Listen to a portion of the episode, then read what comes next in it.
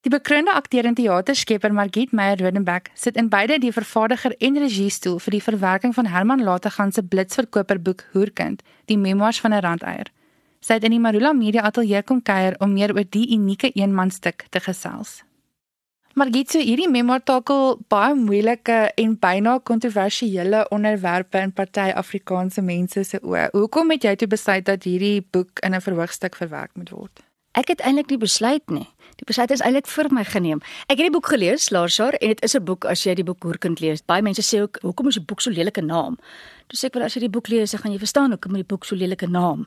En as jy dit jou as klein kindjie 'n skelwoord was wat mense jou genoem het, dan laat dit nogal 'n letsel. Wat gebeur ek het die boek gelees? Mens kan nie die boek neersit nie want dit is baie eerlik en baie rou en min mense is bereid om so blaatant eerlik te wees. Want jy maak obviously 'n klomp deure oop en 'n klomp klippe word ook na Herman gegooi en na almal wat daarbey betrokke is. Dit is maar so. Maar toe bel Franswa Turin my laas jaar. Toe sê my hy dink dis nou 'n lekker verhoogstukke een man vertoning ek moet dit vervaardig. Ek sê nee, hel Fransjo, ek is nou moeg so hierdie tyd van die jaar gewees. Nee, my moe, nee, my tyres is nou klaar. Maar ek het getelefoneer so dog ek het maar bel iemand anders en eintlik wil ek ook van die boek verhoog toe vat en toe bel ek op hulle sit Oosterfees want ek dink toe Herman bly in die Kaap en hy ken die Kaap so goed. So dit was net vir my die natuurlike plek om dit af te skop. En hulle klim toe in saam en dit is hulle wat die preproduksie geborg het en dit moontlik gemaak het. So ek het nie regtig die keuse gemaak nie, Frans het nie die keuse gemaak en my betrek. En toe besluit ek, okay, ek gaan nie net vervaardig nie. Ek gaan ook um, die regie doen. Hmm.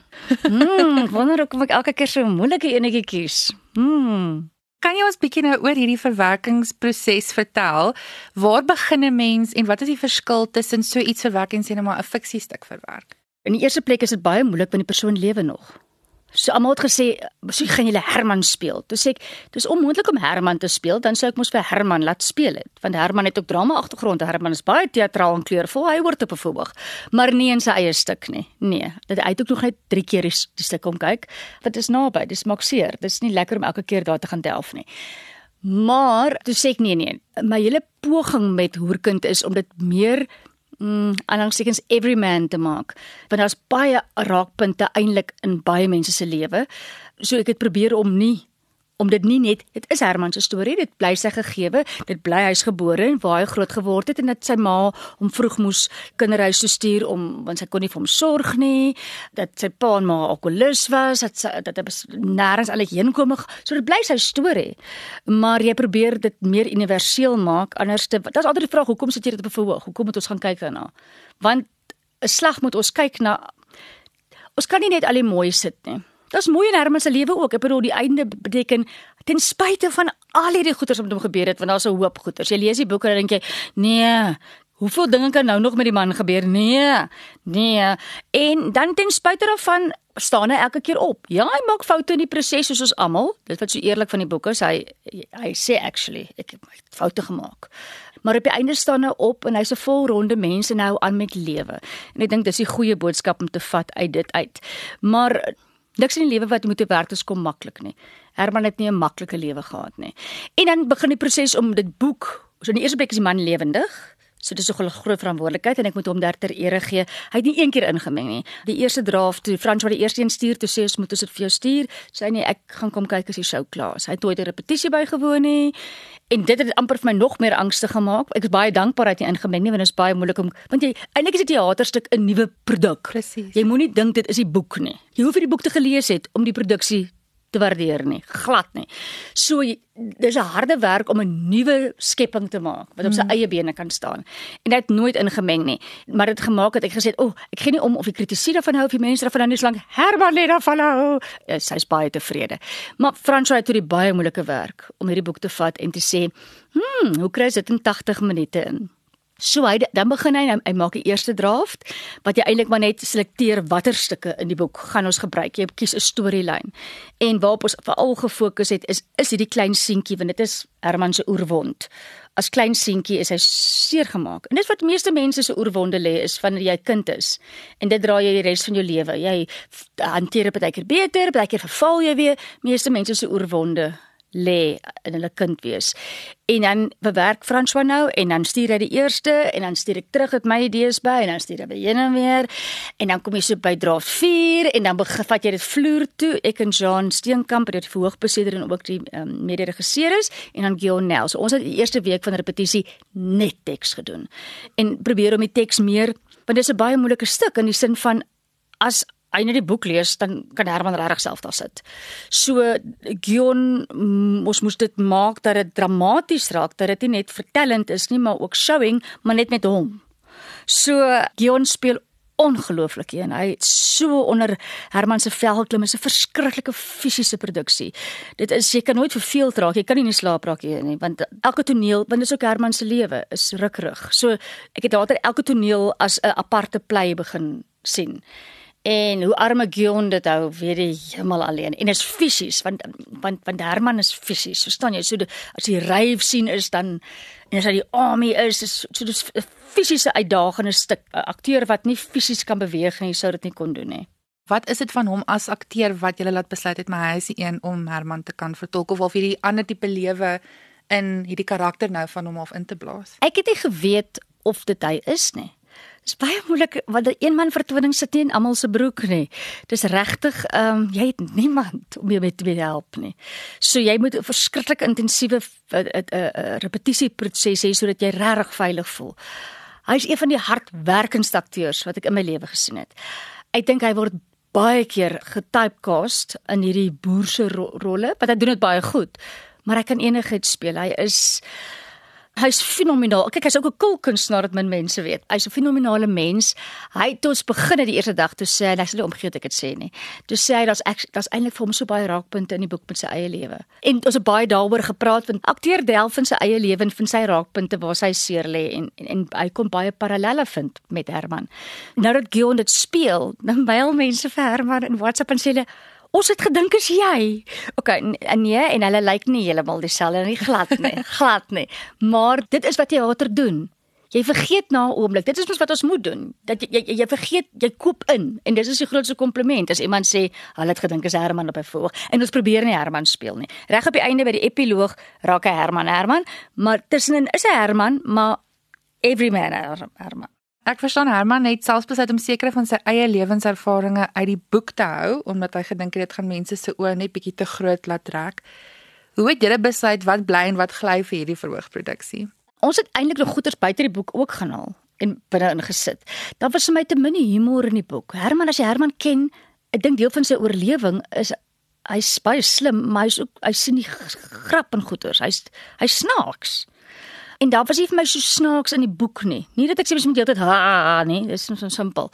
Maar um, dis alles behalwe nee, hierdie is onthutsend. As jy dit kom kyk, dis onthutsend. Dis nie 'n mooi produksie nie. Mens kan nie sê dit was 'n mooi show nie. Jy stap uit en dit draal by jou dit krap aan mense mens wees. Maar Herman sou byvoorbeeld vreeslik die Afrikaanse media opstuur op 'n stadium oor dat elke rugby ter en as hy nou trou dan kry hy die voorblad en dan sy nou nog babatjie dis nog 'n artikel. En en toe sê ek maar kom ons gebruik van daai skrywers van jou tussenin om dit ligter jou satire satiriese kant dat jy nie net heeltyd kwaad lyk nie want anders lyk jy net in die produksie het ons ook gemaak dat ons 'n soubox het eh, dit is baie minimalisties maar dan is daar eh, het ons 'n mikrofoon op 'n stand en dan uh, trek hy met so kruit 'n uh, boksie. En hy daar staan dan praat oor daai mikrofoon en dan sit gewoonlik kommentaar wat hy lewer en die meeste van die kommentaar daar is kwaad. Of sad of net weerloos hmm, in 'n siel. Maar soos ons van die goeters buite ingetrek en ja Herman Herman is nie 'n engel nie. Nee, Herman se lewe is wild. En dis hoekom baie mense sal sê, maar dit was sy keuse. Ek kan nie altyd so sê nie. Jy dit is my se keuse. Ek ek is ook ons almal het al dinge gedoen wat ons eweder maar natuurlik onder die konversie sal indruk. Hy doen nie, hy haal dit uit onder die konversie. En ek dink dit is hoekom mense daarna wil kyk want jy dink, "Sjoe, ek wens ek kon so eerlik oor alles wees." Maar ja, daar is Herman se lewe, ja, jy lees die boek en jy dink en as hy dan nou nog goeters moet bysit en hy het my al goeters so dan dan dink ek, "Nee, nee, nee, bly stil, gaan weg." En sê vir my, jy het reeds 'n paar optredes gehad Wat was die gehore se terugvoer gewees? Ons het nou al mense gehad wat 'n paar keer die vertoning kom kyk het. Dit is seker die grootste kompliment wat mens kan kry dat mense bereid is om 'n swaar stuk, want dit is 'n swaar stuk, weer te kom kyk. Die regie is hy vertel die verhaal, maar is redelik abstrakt met die dekor keuses wat ons gemaak het, die beligting keuses. Maar die onslagte in om jou te laat voel. Want ek het gesê mense kan baie maklik omdat hy mos nou fyn en alles tekens is, wie van ons is fyn. Ehm um, kan mens so baie maklik dink maar okay, ek hoef niks vir Herman te voel nie. Hy's mos okay nou. Soos 'n baie hard gewerk om hy klein seentjie beeld deur te trek tot op die einde, want dit is eintlik maar die Dit is ek het al die in die boeke se baie hy praat van baie bekende mense dis vir my te veel. Ek het later almal se name uitgehaal. Dat daar geen naam dat dit dat sy pa Sammy en sy ma se naam daarin is en dat sy Graham sy lewensmaat van jare sy naam is daarin, maar ek het al die ander wat hoef nie name te hê nie. Dat die prins wat by die kinderhuis was, sy het by die aand kom kyk in die boer. Sy's in die 80, sy's lieflik. Sy het net die volgende dag hom gesê sy het baie geniet, is nou 'n vreemde woord. Die vertoning maar sy het die goedheid so baie gevloek hè. Ag, sies tog. Maar ons vloekie so baie liet liet die leelstukkie, maar daar is 'n paar kragwoorde, maar ons het hom nou nie deurspek daarmee nie. So die meeste mense kyk en sê dis nodig om dit te sien. Nou het iemand gevra hoekom sit 'n mens aan die seer op die verhoog of die is dit nie mooier temas om op die verhoog te sit nie. En toe sê ek Ek dink wat hierdie ding eintlik skokkend maak is is regtig en dan dit regtig met daai kind gebeur en dan die ander ding hiervan is dat ons moet ophou wegkyk. Ons moet kollektief weet ons dat nou die dag na show by die Suidoosterfees het 'n dominee wat hoog op in die wat ook al was, ek weet nie wat sy naam was, hy het Gion gekom en gesê hy's jammer, hy's jammer vir sy aandeel in Herman se lewe. Hy's jammer, hy voel hy moet kom jammer sê. Toe sê Gion, maar daar staan Herman, moenie vir my jammer sê nie. Gaan sê as jy iets gaan sê vir so met ander woorde dit dit, dit maak gesprekspunte oop. Die boek in sy lewe speel af op 'n spesifieke tyd. Dis 'n tydsgees. Dit was aanvaarbaar baie dinge toe. Dis nou nie nou meer aanvaarbaar nie. En ja, ons het 'n pad gestap en verbeter oor sekere dinge, maar baie van daai dinge molestering et cetera gebeur nog steeds en mense kyk weg. Ons moet op 'n weg kyk of opkyk of agter ons kyk. Ons moet nie net ons moet iets aan doen. En hopelik as mense dit op die verhoog sit en praat mense daaroor en hopelik voel my skuldig want ons almal het al weggekyk dat jy nie weer sal wegkyk nie. En sê vir my waar gaan mense dit nou oral in die nabye toekoms kan sien? Ons gaan nou aardklop toe vanaf die 3de tot die 7de. Is ons by die Momentum Beleggings aardklop. Die week daarna van ons is van die 12de, 13de, 14de is ons by die Toyota US Woordfees in Stellenbosch en dan gaan ons Windhoek toe vir die Windhoek Woordfees en dan volgende jaar het ons al datums in Maart vir die Atterbury teater. So ons is besig om planne te maak. Dis nie 'n stuk wat jy as 'n fondsinsameling by skool vir kerk kan aanbied nie, maar dis 'n stuk wat jy in die teater sien. Ek dink dit is maar mens wat huis toe. Mens het nodig om nou na huis toe te vat en 'n bietjie te gaan dink oor goeters.